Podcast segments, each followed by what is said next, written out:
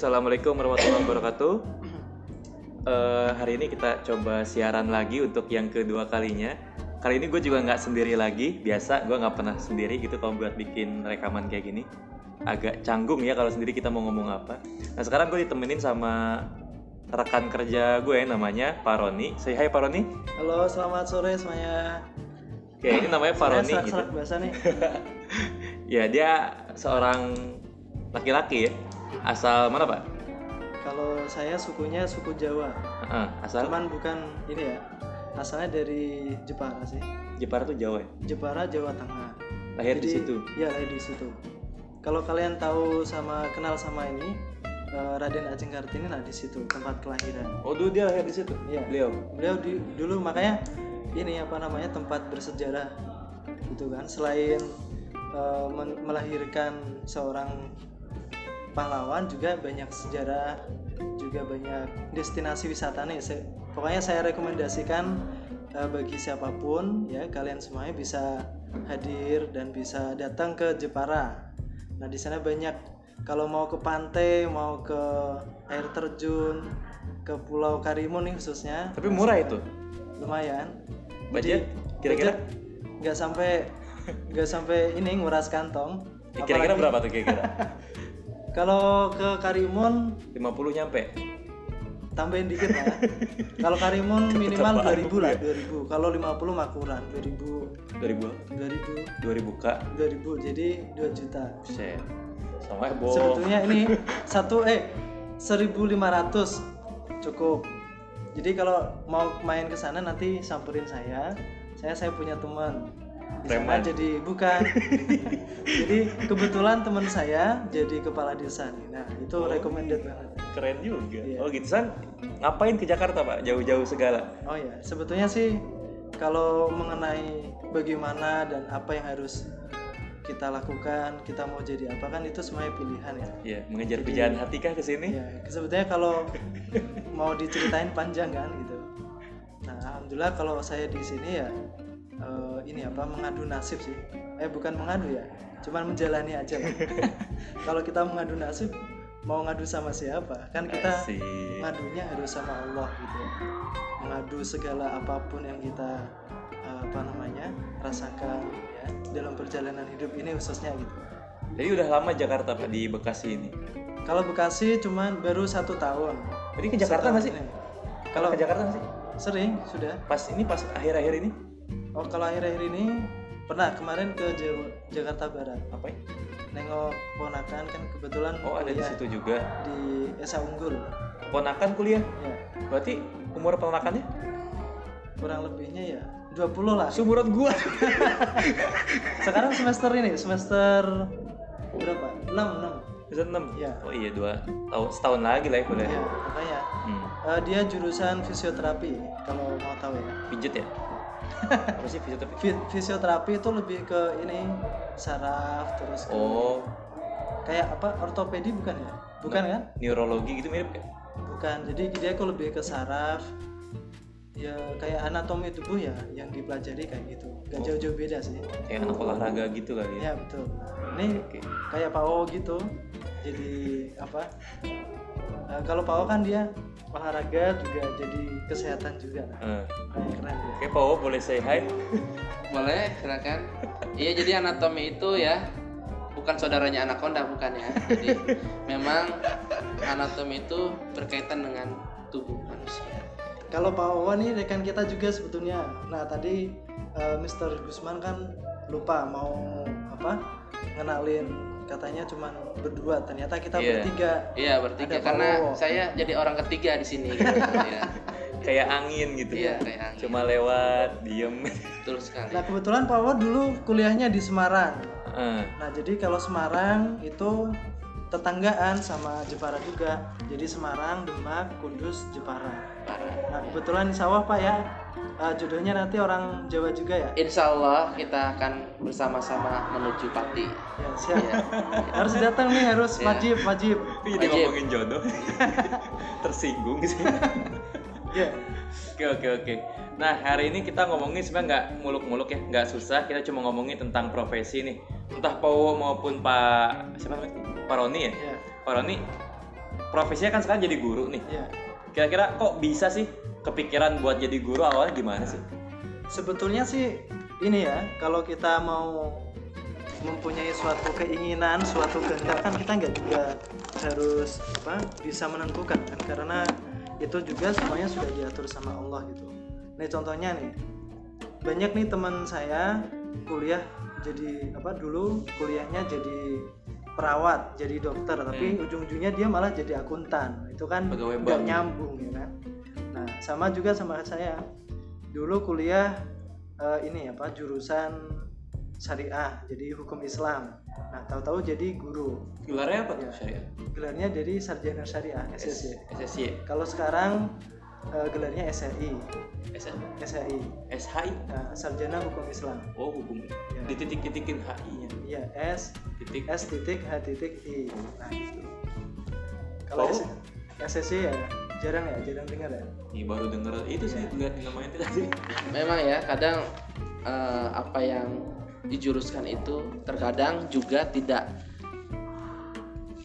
sesuai dengan apa yang kita eh, kuliah kadang.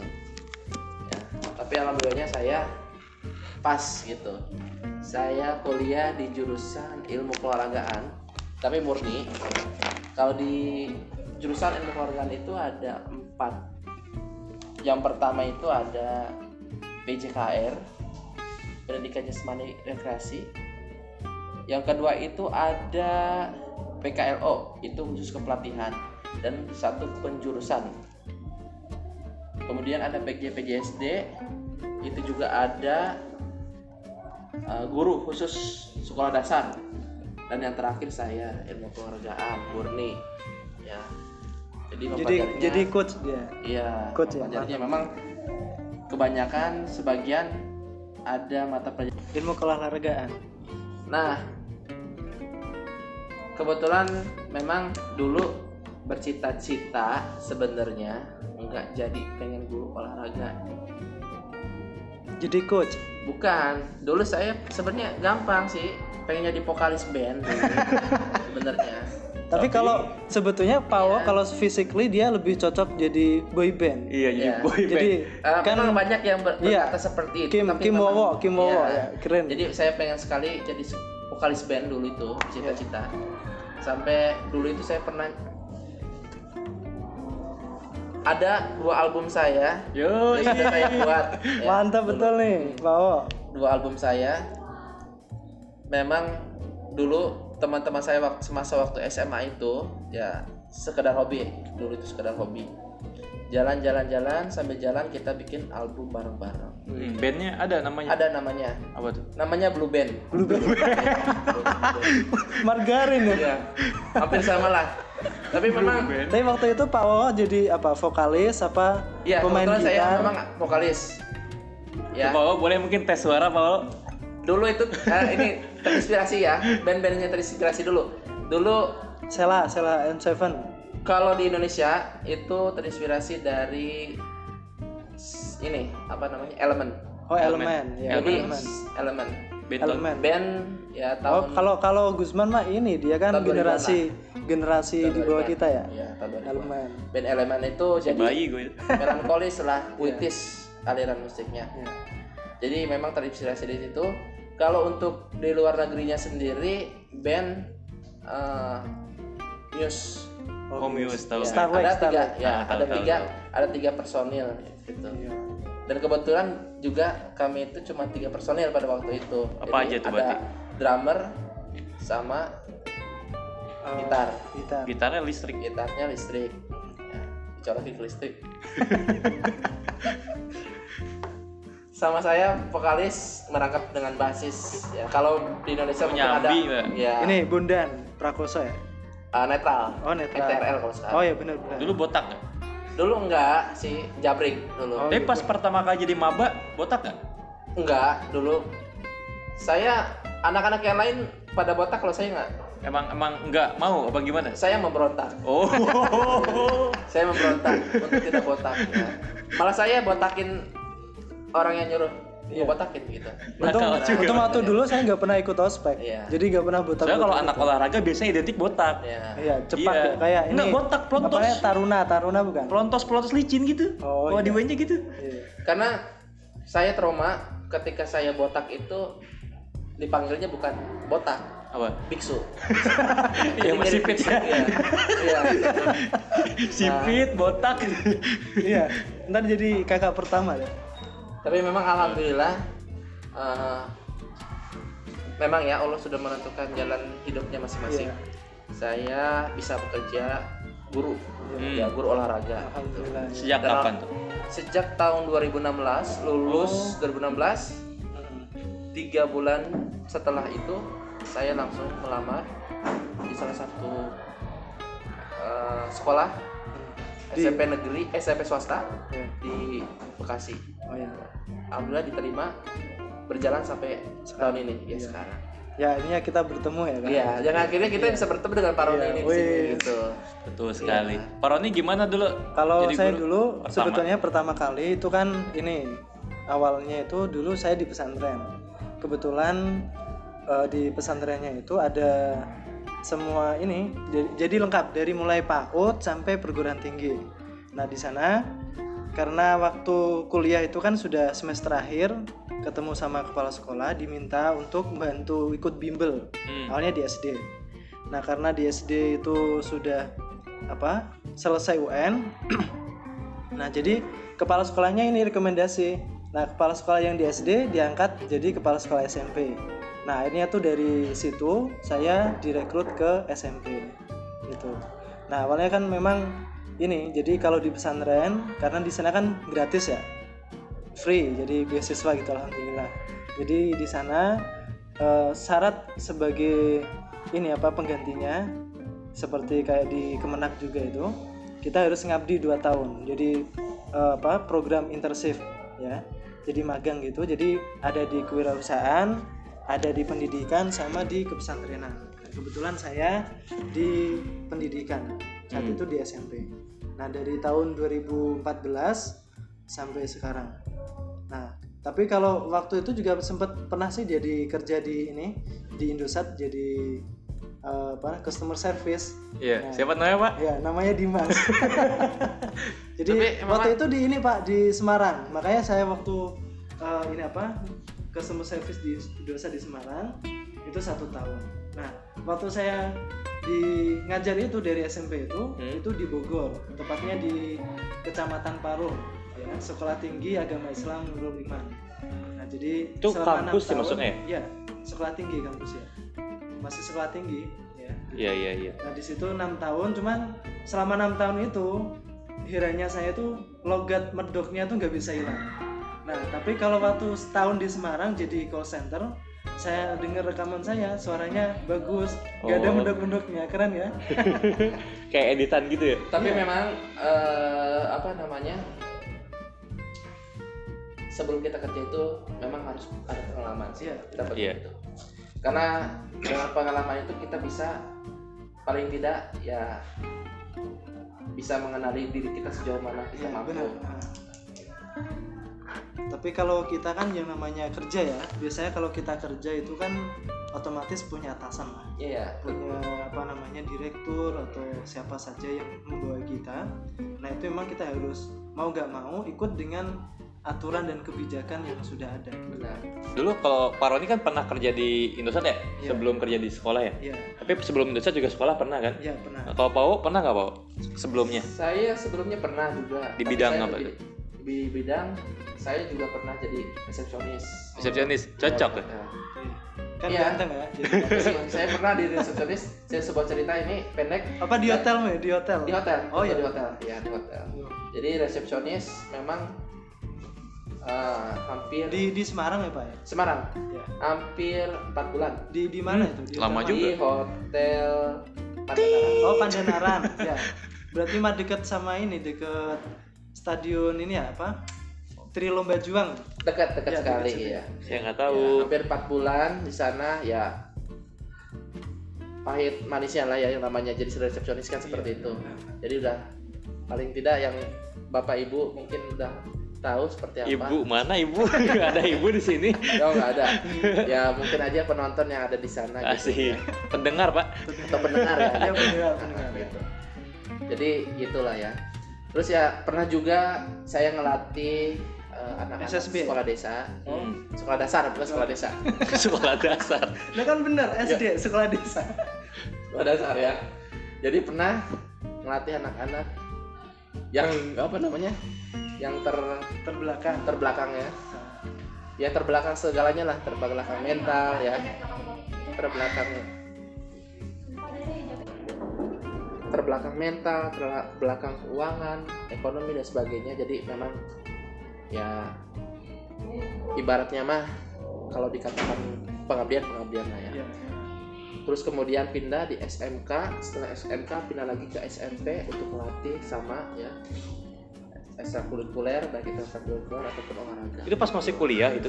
masih masih kuliah Berarti di Jawa ya? Iya. Jawa ya itu sebalik iseng aja Iya. sebenarnya Hmm. Makanya kita kalau saya ngomong sama Pak Wawa tuh nyambung ya. Kalau yang lain kan nggak bisa. gitu. tapi memang sebenarnya jiwa ya jiwa musik sih susah kalau kalau jiwa jiwa musisi Iya, musik itu Kalau sama Pak Hendri itu kan ini ya kebetulan Hmm, gitaris kebetulan- juga ya. Karena Iya, kebetulan dia memang eh, juga bisa Seniman juga, seniman, ya. hobinya gitu. Memang kalau jiwa musik itu susah ya. Memang udah dari lahir gitu. Dari lahir nyanyi gitu. Dari lahir nyanyi saya. Gimana bayi nyanyi bisa? Iya. Ah. nangis. Terus kemudian juga memang untuk ya untuk pendengar terutamanya jangan pernah menyerah ketika kalian itu ah mau kerja di mana atau mau ngapain setelah lulus kuliah itu kita hilangkan Ya, pikiran benar, seperti benar. itu karena ya namanya rezeki itu sambil jalan Iya. kita pasti dapat Iya, benar. Hmm. Yang Sambil jalan kita- pasti dapat. sampai dapat Iya. ya jangan berpikiran ah kerja di mana atau di mana Kalau karena kalau kita mindset mindsetnya uh, berpikiran ah pasti kita dapat kerjaan Iya, pasti susah. ya susah juga gitu. Iya. di mindsetnya pasti kita dapat dapat tapi perlu juga di uh, imbangi dengan usaha Nah, gitu jangan diam aja Iya. Oke. Murid, murid. Oke, skip ya, skip ya tadi ya. Memang Salam. Waalaikumsalam. ya memang harus diimbangi dengan kerja keras Iya, iya, iya. sekarang itu nggak muluk-muluk orang itu pintar cerdas Iya. ya tapi hatinya jujur Iya. itu Hmm. utama Betul, betul. Tapi saya kan gini, sekarang yang jadi permasalahan itu eh, nggak sesuai dengan apa yang kita inginkan. Ya, Hmm, yang gimana kan benar, yang dalam Benar. arti kan kita yang eh, banyak lah eh, suatu keinginan, suatu harapan, tapi ternyata pada realitanya jauh gitu. Karena kan yang penting kita itu ikuti, jalani, dan jangan lupa banyak-banyak bersyukur gitu kan. Itu kan kuncinya. Banyak, saya gini, banyak temen, ya banyak orang juga lah, dia mempunyai eh, ini apa harapan, punya keinginan, tapi ujung-ujungnya gitu. Akhirnya dia jatuh depresi. Gitu. kan. Banyak. benar benar sekali memang banyak sekali yang berpikiran saya jalan salah jurusan Ah, terutama Iya, Ah. gitu. sehingga dia Akhirnya ini apa? akhirnya malas malas benar. dan tidak apa semangat gitu Jadi ibarat kata itu hidup segan mati tak mati mau tak mau. Nah, gitu. hidup segan mati tak mau Tapi kalau dibandingin sama pekerjaan yang lama nih, kan Pao dulu pernah ya kalau Pao ngabdi gitu kan di Hmm, masyarakat, pernah. tapi jiwanya jiwa musik gitu kan. Terus, tapi pernah ngeband juga ya? pernah Pernah ngeband, pernah punya lagu bahkan. Lagunya apa? lagunya ada sih nanti ya eh, Di YouTube ada untuk- nggak? mungkin Koplo, koplo. nah kebetulan ini saya juga punya YouTube channel dan Instagram udah hampir 3 juta lebih lah Oh, ya, Instagram followers ya Iya. ya mungkin bisa nanti dilihat aja nama saya Kalau sama si siapa tuh? Si Ata kalah apa ya? Apa Kebanyakan kebanyakan Oh, kebetulan. Kebanyakan Ata. ya? Kebetulan Ata itu teman saya, oh, partner. Dulu itu pernah juga kita kolaborasi, ya, waktu Ata masih apa namanya, masih, SMP? ya, masih belum Dan terkenal lah sekarang, sekarang. eh tahu gitu. nggak? Sekarang itu Ata kan jadi anak muridnya Pao juga. Oh gitu siapa? Hmm. Atal Idihal. Oh Atal. Ah, Atal, Atal. itu beda, ya, Atal, Atal Halilintar, beda sama Atal Halilintar. Nah, memang dulu kita juga pernah kolaborasi, tapi nggak sampai nyiptain lagu, nggak. Dulu kolaborasi, bikin YouTube channel, Berarti kayak Pak Vivi dong. Si apa? CR, ya. YouTube Sitkia YouTube channel. Iya, Eh, hampir sama lah tapi memang cuman temanya yang berbeda ya memang Atta itu juga dia punya imajinasi anak muda sekali ya gitu. jadi memang kekinian ya kekinian ini Tapi itu beneran benar ya meragukan cerita. nah kan tadi gini, gini, ya gini. Jadi kalau kalau kita kan sebetulnya untuk kenapa sih kok milih jadi guru gitu ya? Mm-mm. Sebetulnya tuh kalau kita mau nurutin dengan keinginan kita ya nggak bakalan mulus-mulus amat gitu kan. Hmm. Karena kan manusia tuh yang punya rencana, tapi Allah yang punya kehendak gitu kan. Nah jadi kita jalani, kita apa syukuri dengan alur yang sudah di ini apa sudah ditentukan gitu. tapi bang gini Pak Roni seumpamanya gini Hmm.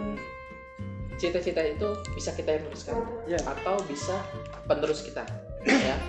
Boleh siapa aja ya. Anak. Iya ya, sih. boleh anak Ya, boleh murid. murid boleh siapa aja Iya. sebenarnya.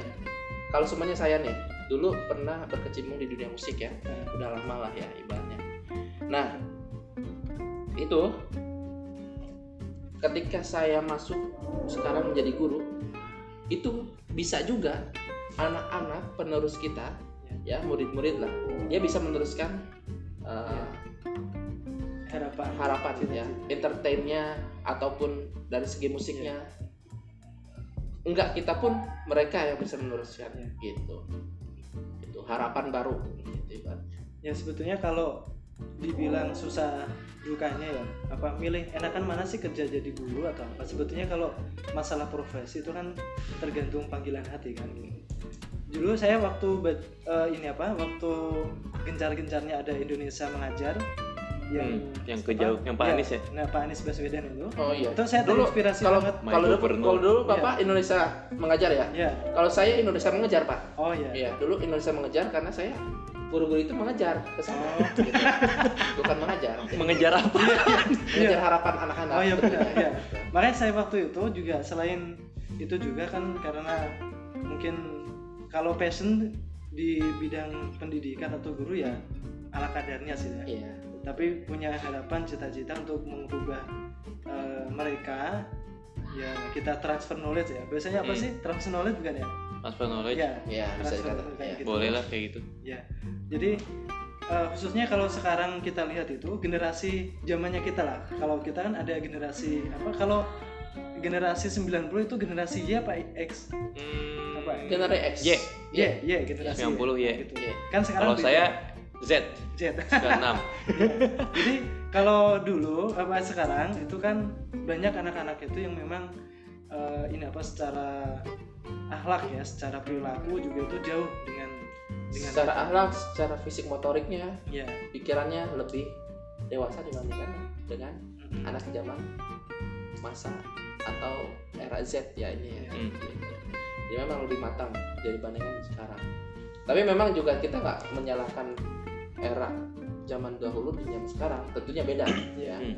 Setelah masuknya era zaman milenium tahun 2000, masuknya internet, ya berubah. perubahan. Besar Karena kita berubah dengan ya. perkembangan zaman lah Iya, ibaratnya seperti itu. Kita nggak bisa salahkan juga. Ada segi positif dan negatifnya semua itu. Ya asal kita bisa menangani dengan Hmm, baik sih kan betul. sebetulnya. Iya benar. Ya kalau misalkan kita menghindari yang namanya HP, internet itu zaman sekarang kayaknya udah nggak bisa. Iya, susah. Susah sih ya. Kan jatuhnya udah kayak kita- kebutuhan lah ya. Ya, gimana caranya secara bijak penggunaannya. Nah, gitu ya. iya. Iya. Dan dia- kalau seumpamanya zaman Z ini, masa Z ini Nah. diterapkan Zaman dulu pada masa zaman dulu itu nggak bisa, Nggak bisa Nggak ya. bisa.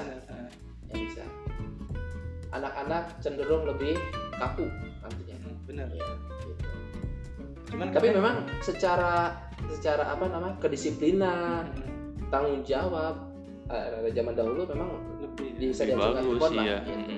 Cuma kalau sebetulnya setuju nggak sih kalau misalkan kurikulum yang sekarang kan ke kurikulum 2013 gitu kan? Eh, banyak sekali eh, ini apa perubahan-perubahan dari kebijakan peraturan pemerintah dan lain-lain itu kan?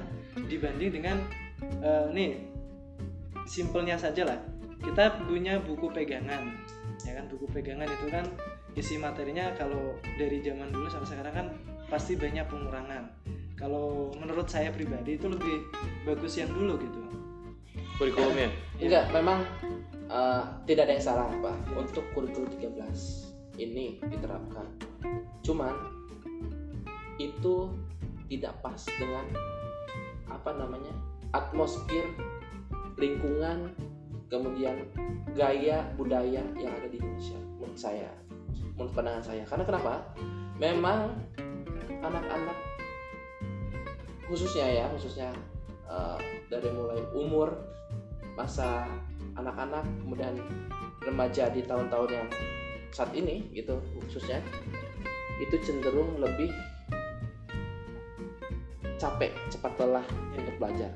Jadi menurut saya waktu belajar itu cukuplah 5 sampai 6 jam untuk diterapkan di Indonesia Iya. selebihnya adalah religius atau agama Lebih ke akhlak Gitu, sih. lebih ke akhlak karena kenapa akhlak itu paling utama ketika dia bisa berkecimpung di masyarakat Sama kayak wacananya Iya. ini Mardani Alisera kan. Oh, iya. Itu kan kemarin bilang saya lihat di salah satu video, beliau tuh bilang gini, saya pengen memangkas yang namanya pendidikan. SD 3 tahun, SMP SMA 3 tahun, persiapan kuliah setahun, sisanya kuliah sampai 10 tahun tuh. Jadi saat dari SD sampai kuliah itu tamat cuma 10 tahun. Sisanya ngapain? Mengabdi buat masyarakat. Benar. Kayak itu lebih lebih beneran apa ya namanya? Manfaat sih karena kalau ngingat zaman-zaman dulu gitu ya. Kayak Muhammad Al-Fatih jadi sultan di umur 22 tahun, Umar bin Abdul Aziz jadi khalifah di umur 23 tahun. Anaknya Umar bin Abdul Aziz jadi menteri di umur 17 tahun. Itu kan kayak hebat gitu. Kayak zaman sekarang 20 tahun kayak saya 22 sekarang. Ya, ya belum jadi siapa-siapa Iya. gitu. Kalau dibilang produktif sebenarnya belum belum terlalu kan kalau masa itu kan Ah. masa-masa produktif juga ya. Iya. Dibilang gitu. Cuman kan kita juga masih mencari juga Iya. sebetulnya jati diri atau benar di apa passion kita juga sih sebetulnya gitu. Cuma kalau mengenai guru profesi guru sih memang kalau saya pribadi itu lahir dari eh, ini apa keinginan dalam oh, Tapi orang tua pernah jadi guru nggak? Ada guru? kalau orang tua sebetulnya enggak se- sebenarnya petani gitu. Hmm. Nah di sana itu terlahir gini saya juga dulu ngajinya itu punya kalau saya pribadi kan punya moto eh, ini apa namanya kalau lupa jadi santai santai. Nah, santai. jadi motonya gini, khairun nas anfa'uhum. Jadi itu yang saya pegang. Jadi sebaik-baiknya manusia itu adalah yang bermanfaat bagi orang lain gitu. Makanya saya selagi saya apa sih yang bisa saya kasih ke apa masyarakat gitu kan. Jadi waktu saya itu masih jadi apa santri atau jadi seorang mahasiswa itu juga saya memikirnya gitu.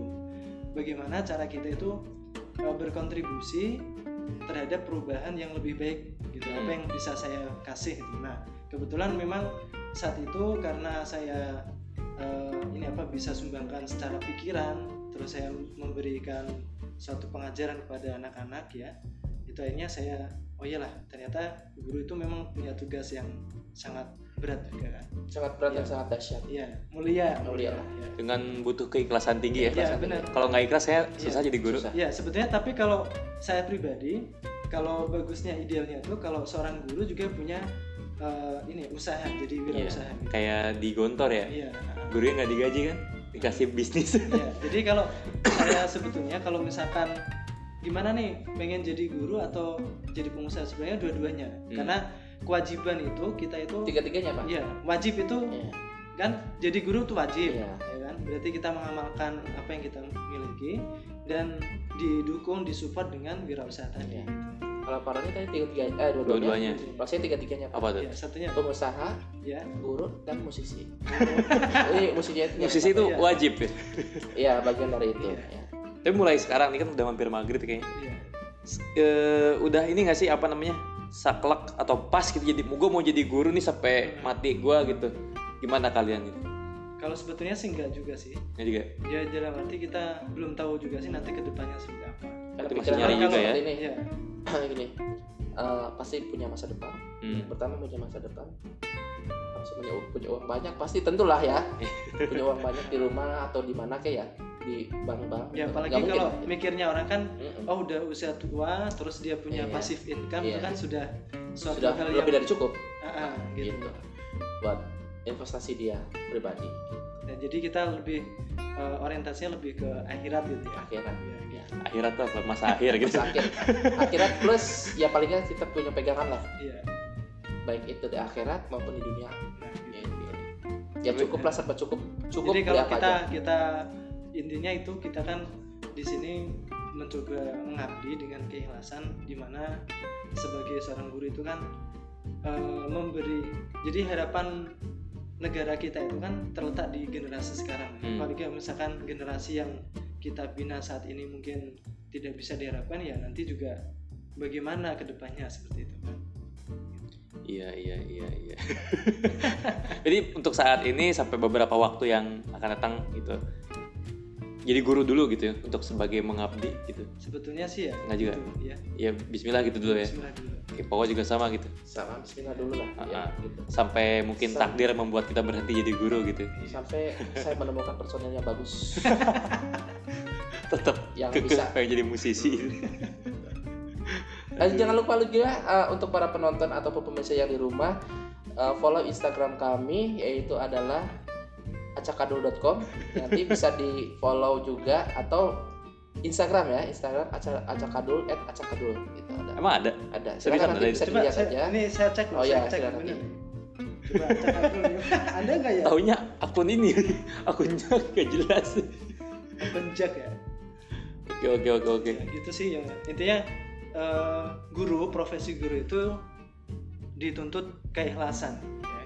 jadi kalau misalnya kita nggak ikhlas oh guru kan cuman segitu. Gi- gimana kalau kita apa mikir masalah gaji masalah tunjangan kalau itu nggak ada habisnya. Jadi eh, sebisa mungkin ya bagi anda para guru semuanya itu adalah timbullah kesadaran dalam diri kalian bahwa mengajar itu adalah suatu hal yang mulia jangan didasari dengan apa pun. Karena Hmm. kalau misalkan kita tulus ikhlas memberikan suatu pelajaran kepada anak didik kita insya Allah hasil yang kita berikan juga eh, ini apa suatu hasil yang bagus juga gitu tentunya juga sebagai ini sih karakter building juga gitu Iya, sip sip Eh, sip sip. kemudian ada lagi nih terakhir mungkin ya yang pertama pesan dari saya adalah jalani hidup itu dengan senyuman Always smile. oke yang terpenting itu dan selalu semangat keep strong oke siap siap gitu. Oke. Nah, udah 30 menit ya kita ngobrol-ngobrol di sini. Di sekarang Lebih jam ya, juga udah enggak 30 menit. Pas. Lebih dikit sih oh sebenarnya. iya Langit udah mulai biru juga, biru-biru gelap gimana udah tanda kita harus segera melaksanakan sholat maghrib ya. Nah, paling segitu aja obrolan kita pada sore hari ini. Semoga menambah wawasan, menambah semangat buat teman-teman yang lagi patah semangat dengerin aja. Ya kalau nggak ada manfaatnya ya udahlah gitu lewat aja. Tapi insya Allah ada manfaatnya lah kayak gitu.